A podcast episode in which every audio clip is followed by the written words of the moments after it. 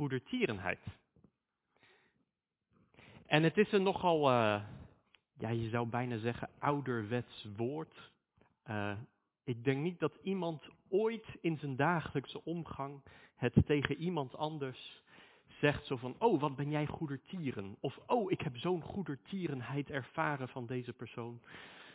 Nee, je zegt misschien, uh, oh wat een liefde van die persoon. Of oh die persoon is heel trouw. Maar je zult niet snel zeggen zo van, oh die persoon was echt goedertieren.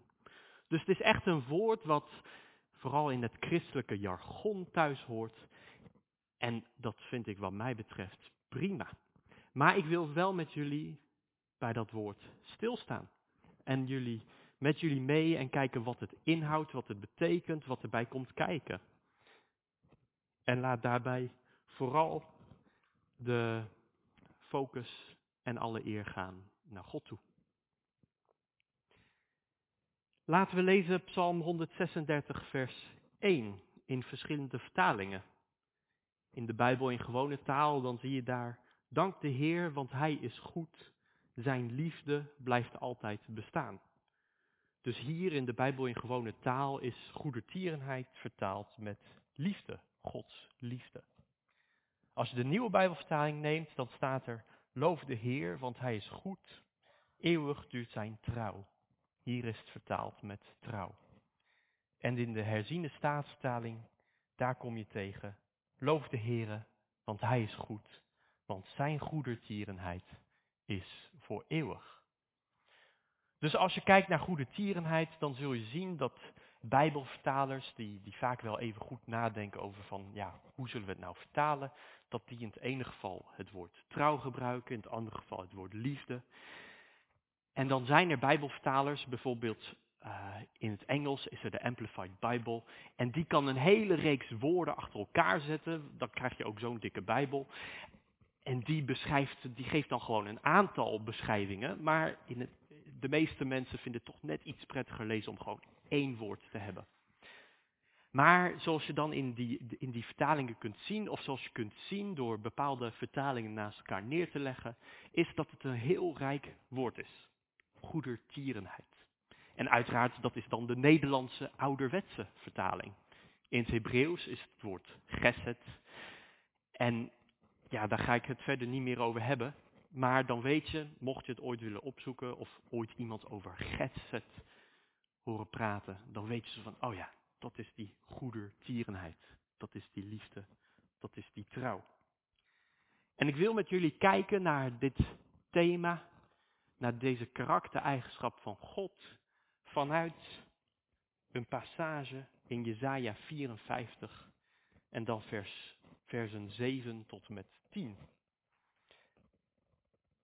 Voor een klein ogenblik heb ik u verlaten, maar in grote barmhartigheid zal ik u bijeenbrengen. In een stortvloed van grote toren heb ik voor u mijn aangezicht een ogenblik verborgen maar met eeuwige goedertierenheid zal ik mij over u ontfermen, zegt de Heere, uw Verlosser. Want dit zal voor mij zijn als bij de wateren van Noach, toen ik zwoer dat de wateren van Noach niet meer over de aarde zouden komen. Zo heb ik gezworen dat ik niet meer op u toornen zal en u niet meer bestraffen zal. Want al zouden bergen wijken en heuvels wankelen, mijn goedertierenheid zal van u niet wijken en het verbond van mijn vrede zal niet wankelen, zegt de Heere, uw ontfermer. En ik wil even, dit is dus in het Oude Testament, in Jezaja. Maar God is dezelfde. In Hebreeën 13, vers 8 zien we terug, Jezus Christus is gisteren en heden dezelfde en tot in eeuwigheid. Dus als ik beschrijf hoe de God is, zoals we die in het Oude Testament treffen, dan is dat dezelfde God met dezelfde eigenschappen als die in het Nieuwe Testament. En als we het dan over God hebben, over Yahweh, dan hebben we het ook over Jezus Christus, de Verlosser. En Hij is dezelfde. Dus als we zien hoe God omgaat met Israël, de Israëlieten, de Judeërs, met de mensen van toen, dan leren we ook hoe hij nu nog met ons omgaat en om wil gaan. En zijn karaktereigenschappen veranderen niet. Dus, hoewel deze tekst uit Jesaja 54, hoewel die geschreven is voor, voor de Joden, voor de Israëlieten, voor de Judeërs, is het ook van belang voor ons. En kunnen wij er ook heel veel uit leren en doorgroeien. Ik wil met jullie dus kijken naar die eeuwige goedertierenheid die we in vers 8 tegenkomen. In een stortvloed van grote toren heb ik voor u mijn aangezicht en een ogenblik verborgen. Maar met eeuwige goedertierenheid zal ik mij over u ontfermen, zegt de Heere, uw Verlosser.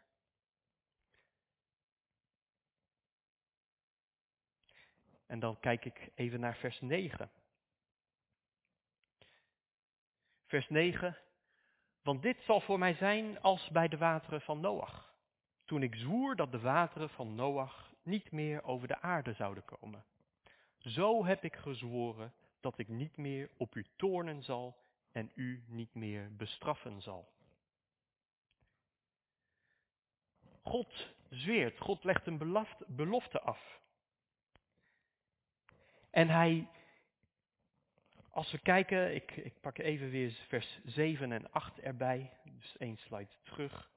Dan staat er dus, voor een, oog, voor een klein ogenblik heb ik u verlaten.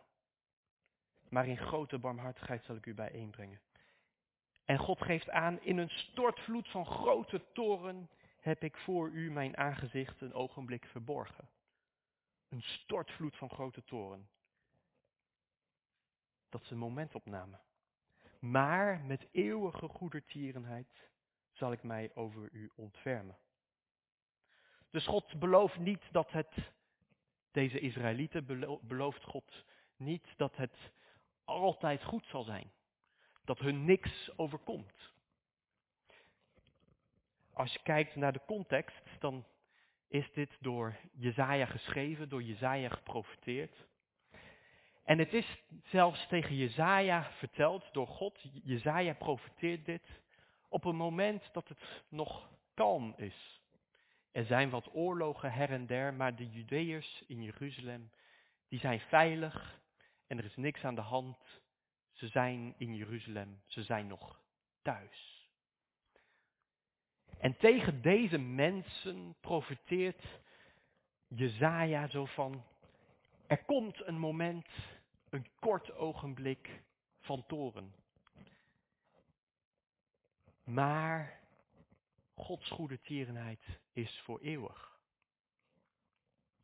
En de belofte, ook dan voor de generatie daarna, die dan gemerkt zal hebben dat er een moment van toorn is geweest. Een bemoediging van, ja, ook al zit je nu in deze moeilijke tijd, wees bemoedigd. Dit is een ogenblik. Er is hoop. En Gods trouw, Gods goede tierenheid is voor eeuwig. En dan komen we dus bij die vers 9, waar we zien dat God zweert. Eigenlijk als God iets zegt, dan doet hij het ook. En dan staat het vast. Maar soms dan kom je tegen dat God iets zweert. En hier zegt hij zelfs dat hij zweert zoals toen bij Noach. Zoals toen bij de wereldwijde vloed, zoals toen bij de zondvloed, zweert God nu dat hij niet eeuwig toornig zal blijven. Toen bij de wateren van Noach, toen was er een ogenblik van toorn. Toen was er een stortvloed. Dat woord stortvloed zien we ook in vers 8 en dan denken we, bij mij bij het woord stortvloed begon, begon ik al te denken, van, oh ja, een stortvloed. Oh ja, dan, dan moet ik altijd denken aan, aan Genesis 6 en 7, aan de wereldwijde vloed. En, um, ja, en dan, dan dit, dit mooi, prachtig opgeschreven, mooi door God aan Jezaja gecommuniceerd en prachtig door Jezaja doorgecommuniceerd. En in diezelfde trend blijft God vertellen, dus net zoals die stortvloed van toren, net zoals bij die wateren van Noach, die wateren die waren een jaar over de aarde, dus dat ogenblik, dat was een jaar, maar daarna maakte God de belofte, ik zal dit niet weer doen, ik zal niet weer de hele aarde onder water zetten. En God beloofde Noach zo van, ik maak dit verbond met u. Dat, en hij maakte het ook met de aarde en met de dieren, met de natuur, dat hij niet meer op die manier de aarde zou verwoesten. En als teken van die eed, van die belofte, zette hij een boog in de hemel. En die boog, in het Hebreeuws is dat hetzelfde woord boog als van een pijlenboog, van een strijdboog. Dus sommige commentaren die zeggen, Gods strijdboog, Gods boog van toren die hij eerst gebruikte en die hij eerst had en de aarde deed overstromen, de aarde bedekte. Diezelfde boog van toren, die draaide hij om, die zette hij om in een boog van liefde, in een boog van trouw. En dat noemen wij de regenboog. En wanneer wij de regenboog zien, ik althans, wanneer ik de regenboog zie, dan denk ik aan Gods trouw en aan Gods belofte. En dat God trouw is en dat God zijn beloftes nakomt. En ik denk daar dan aan. Maar als je in Genesis kijkt, in Genesis 9, dan staat erbij dat zinnetje, dat, dat viel me ineens op, dat het ook voor hen is ter nagedachtenis. Dat wanneer hij die boog ziet, hij terugdenkt aan zijn eed. En God is niet vergeetachtig, dus eigenlijk heeft hij helemaal niet zo'n boog nodig. Maar toch besluit hij, besloot hij om die boog daar neer te zetten. Als, als teken voor hemzelf, om aan zijn belofte te gedenken. En zoals hij toen dus die belofte maakte met Noach, een hele belangrijke belofte. Op die manier maakt hij nu dezezelfde belofte met de Israëlieten en met ons. Dat niet de wateren van toren over ons zullen komen. Maar dat dat dus niet meer gebeurt. Maar dat in plaats daarvan een stortvloed van liefde over ons komt.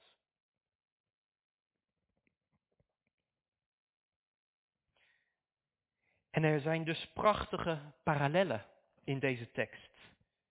Lees weer even snel vers 7 tot en met 10. Of ik zal even aanwijzen. Je ziet dus die stortvloed in vers 8 en die wateren van Noach in 9. Zegt de Heere uw verlosser en dan vervolgens zegt de Heere uw ontfermer. En je ziet dat God dingen zweert en je ziet dat er een link wordt gelegd tussen bergen die wijken en goede tierenheid die niet wijkt. En tussen heuvels die wankelen en tussen Gods verbond van vrede dat niet wankelt. En dat die wateren over de aarde zouden zijn. En dat in, diezelfde, in datzelfde opzicht de toren niet over ons is. Dus er zijn deze prachtige parallellen. En als je een keertje in zo'n passage duikt. Ik mocht hierin duiken, ik mocht hier echt heel veel uur aan besteden en heel veel kantjes over beschrijven voor mijn studie. Ik, uh, ik studeer, uh, uh, ik doe een bijbelschool en we hebben het vak exegese. En daarin mocht ik een week lang, avonden, urenlang nadenken over twee versen. Over twee versen heb ik ruim 30 uur gedaan om, om die te bestuderen. En het had toch makkelijk langer kunnen zijn. Maar ik moest het een keer inleveren. Maar dan, dan zie je dat er rijkdom in zit. En door deze parallellen op te zoeken. Het is niet dat je ineens iets nieuws over God leert. Het is niet dat je ineens een verborgen, een verborgen boodschap tegenkomt. Het is niet dat er ineens een mysterie wordt opgelost. Of dat als je niet zoveel tijd zou besteden, je niet de boodschap zou snappen. Dus op zich, als je de Bijbel doorleest en je besteedt uh, ja, een minuutje over het lezen van deze vier versen, of van deze twee versen, eh, 9 en 10, dan krijg je ook de boodschap mee. Maar als je wel de tijd neemt om te kijken naar zitten er parallellen, zijn er bepaalde woorden die terugkomen, zit er een patroon in. Als je daar wel de tijd voor neemt, dan, ja, dan kom je wel, dan, ik althans, dacht toen wel zo van, wauw, wat is God en Jezaja toch een prachtige woordkunstenaar. Wat heeft hij dat toch met nauwkeurigheid of met heel veel belangstelling of, of liefde of hoe je het maar wil noemen. Wat heeft hij dat toch met veel aandacht opgeschreven. En als je dan naar kijkt, dan voor mij met al die beelden, ik, ik had er dan een heel plaatje bij en, en ik dacht zo van, oh ja, deze parallel, deze parallel. Het blijft wel meer hangen als je kijkt naar al, die, al dat beeldgebruik. En, dus ik kan aanmoedigen. Kijk eens een keertje naar twee versen en probeer daar eens een keertje heel wat uurtjes aan te besteden. Niet omdat je dan ineens grote geheimen die je eerder niet wist tegenkomt, maar gewoon omdat het eigenlijk best wel leuk is.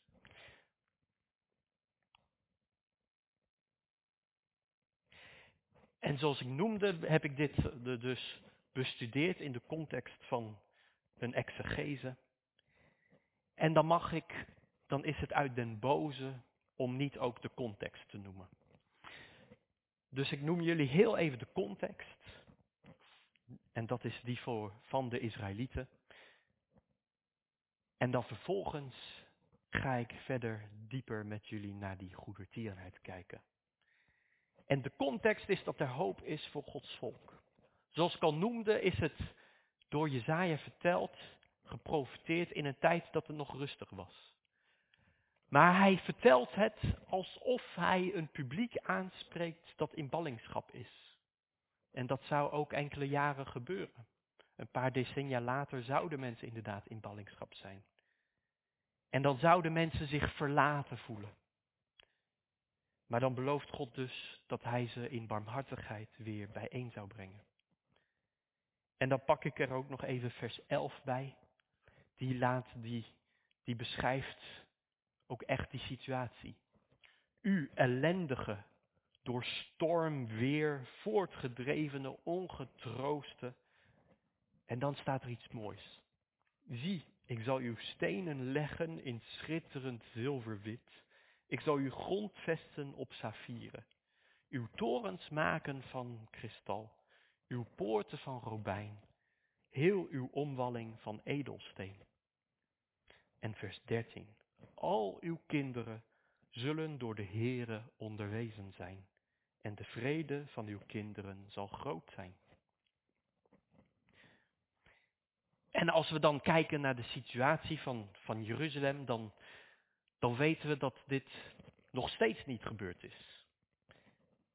In Israël zijn er nog genoeg mensen die niet door de Here onderwezen zijn. En, er, en de vrede van de kinderen is nog niet groot. En we weten dat Jeruzalem nog niet schitterend zilverwit is en nog niet gegrondvest is op saffieren. En dat de torens niet van kristal zijn, de poorten niet van robijn en geen omwalling van edelsteen. Dus we weten dat uiteindelijk dit eigenlijk nog steeds moet komen dat misschien voor de Israëlieten dit nog steeds een ogenblik is. Een klein ogenblik van verlatenheid. Maar daartegenover, tegenover deze paar duizend jaar, tegenover deze 3000 jaar, of 2500 jaar, of staat een eeuwigheid. Een eeuwigheid van liefde. En wie, wie, wie een beetje kan tellen, die weet dat 54 is na 53. Dus Jezaja 54 is na Jezaja 53. En Jezaja 53 gaat over de leidende knecht. En wij weten dat dat gaat over het verlossingswerk van Christus. Dus als je kijkt en als wij de Messias wel al, al zien en al erkennen, dan mogen we weten dat, dat Gods trouw, dat die er inderdaad is. En wij mogen naar deze passage kijken en weten dat God vanuit zijn liefde zijn zoon heeft opgeofferd voor ons. Of beter gezegd, Jezus zelf heeft zichzelf opgeofferd voor ons. Het was zijn keus. Hij legde zijn leven neer voor ons. En dat is liefde.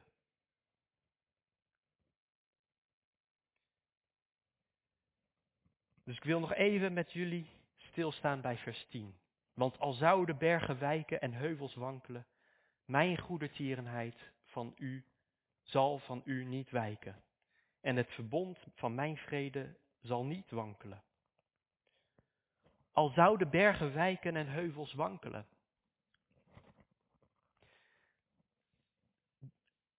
Ik vind het bijzonder, want dit staat dus geschreven. Hij, hij, hij, um, Jezaja die noemt al een paar keer de, de, de wereldwijde vloed.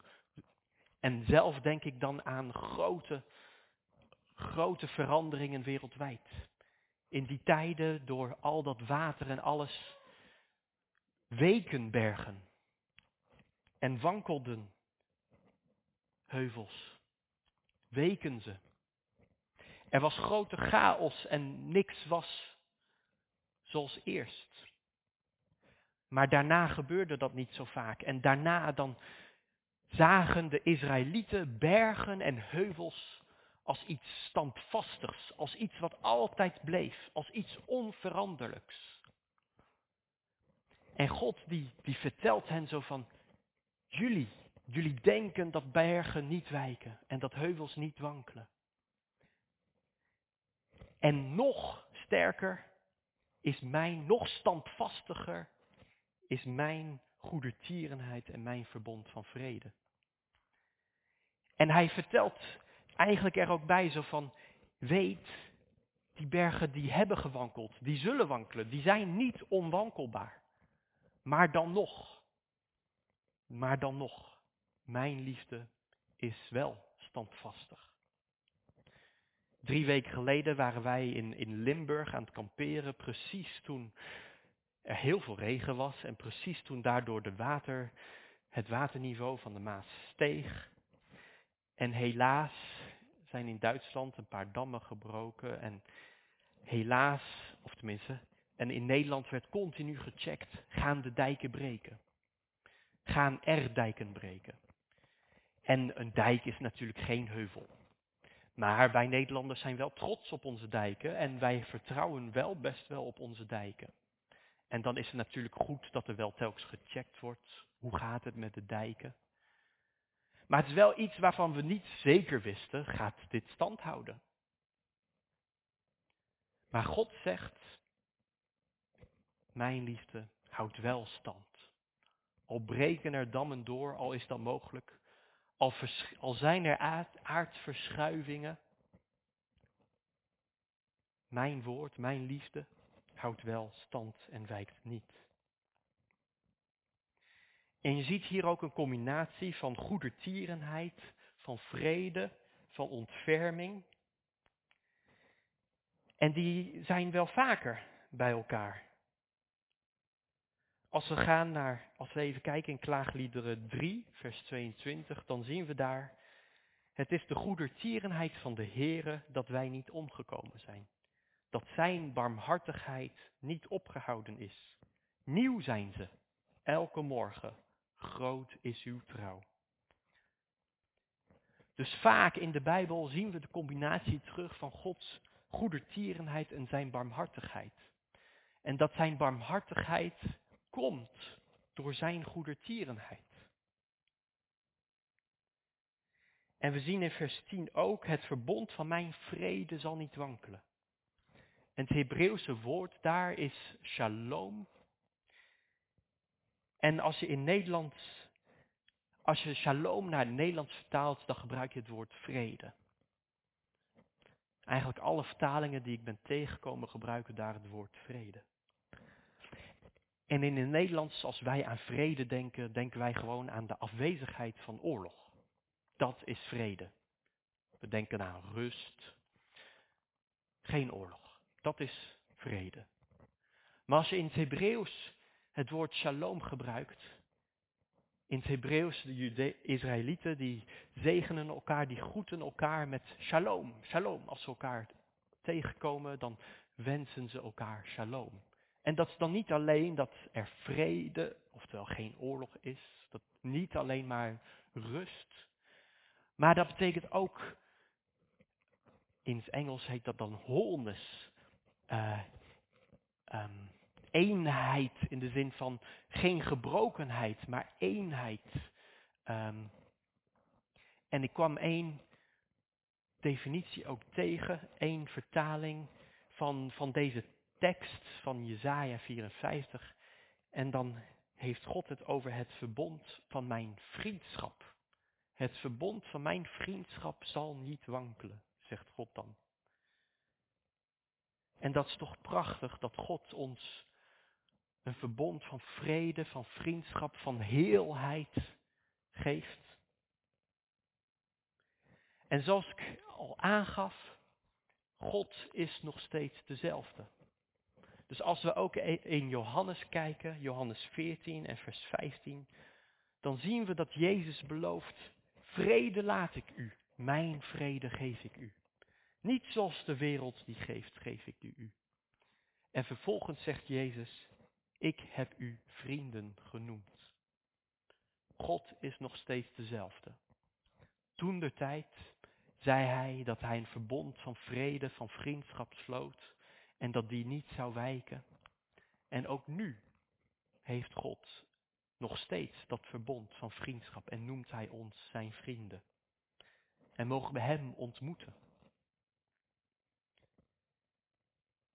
En die, deze vier verzen, die hebben het ook heel veel over Gods compassie, over Gods barmhartigheid, over zijn ontferming.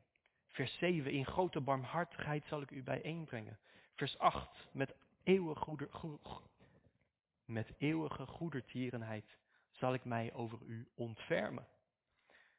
En tot slot in vers 10 sluit hij af met, zegt de Heere uw ontfermer. Blijkbaar vindt God het heel belangrijk om te communiceren dat hij ontfermend is. Eerst zegt, staat er, zegt Jezaja, zegt de Heere, zegt de Heere. Dan zegt hij, zegt de Heere uw verlosser. En dan slaat, sluit hij af met, zegt de Heere uw ontfermer. Het is een heel belangrijk karaktereigenschap van God, dat Hij ontfermend is.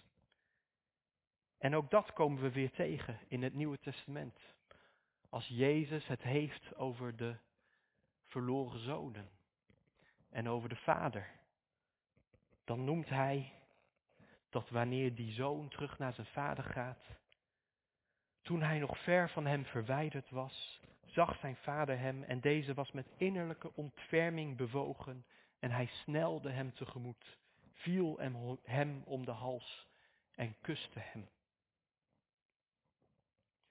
God is met ontferming bewogen over ons. God is goedertieren. God is genadig. Dat hebben we vorige week mogen horen. En God is geduldig. Dat hangt er ook bij samen. In 2 Petrus zien we dat Petrus vertelt, de Heere vertraagt de belofte niet. Hij had beloofd om terug te komen, Jezus. Sommige mensen noemen het traagheid. Maar hij heeft geduld met ons en wil niet dat enigen verloren gaan, maar dat allen tot bekering komen. Vanuit Gods goede tierenheid vanuit zijn standvastige liefde, vanuit zijn trouw, vanuit zijn loyaliteit, vanuit zijn barmhartigheid, zijn genade, is hij geduldig en hoopt hij dat zoveel mogelijk mensen. Liefst vanuit zijn wil is het dat iedereen tot behoudenis komt. Dat iedereen tot hem komt. En daarom is hij geduldig.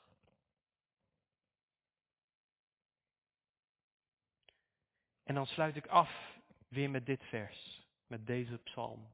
Psalm 136, vers 1 tot en met 4. Omdat we Gods goede tierenheid kennen, kunnen we zeggen, of mogen we zeggen, loof de Heere. Loof de Heere, want Hij is goed. Want Zijn goede tierenheid is voor eeuwig. Loof de God der goden, want Zijn goede tierenheid is voor eeuwig. Loof de Heere de Heere, want Zijn goede tierenheid is voor eeuwig. Die grote wonderen doet Hij alleen, want Zijn goede tierenheid is voor eeuwig. God is goede tieren. Hij is liefdevol en trouw. En dat is ook voor zijn eer en glorie. En dat is vanuit genade, omdat hij ervoor gekozen heeft. Niet omdat wij het verdienen, maar zijn genade. En het hoort bij hem. Hij is liefdevol. En dat mogen wij gedenken en vanuit dat mogen wij hem loven. Ik wil graag nog uh, voor jullie bidden. Heer God, Vader, dank u wel dat u liefdevol bent. Dank u wel dat u goedertieren bent. Dank u wel voor uw standvastige liefde. Uw onfalende liefde.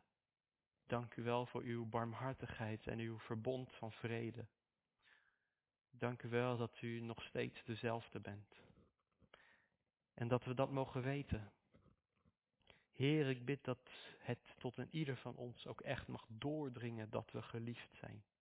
En dat niet komt door wat we doen, door wat we gedaan hebben, maar dat onze identiteit in U is en door U. Dat U het allemaal hebt geregeld. Heer, dank u wel voor uw genade. Dank u wel. En Heer, ik bid dat ja, we ook die liefde die genade, die barmhartigheid, die trouw, dat we ook, ook die eigenschappen mogen hebben. Dank u wel dat vanuit uw Heilige Geest we die ook mogen hebben. En ik bid dat we op die manier ook in het leven mogen staan en ook op die manier met anderen mogen omgaan. Heer, en dat we, ja, dat wij trouw mogen zijn aan anderen. Dat wij liefdevol mogen zijn. En dat we ook anderen mogen wijzen op die liefde van u. Heer, ik bid dat we het ja, mogen weten, maar ook echt mogen beseffen en doorleven. Heer, dat mag landen. Vader, dank u wel dat, uh, ja, dat u het bent die, die spreekt en die, die werkt, die in ons werkt. En Heer, ik bid dat u de, ook de naprediker en nawerker zult zijn. Vader, dank u wel. En uh, amen.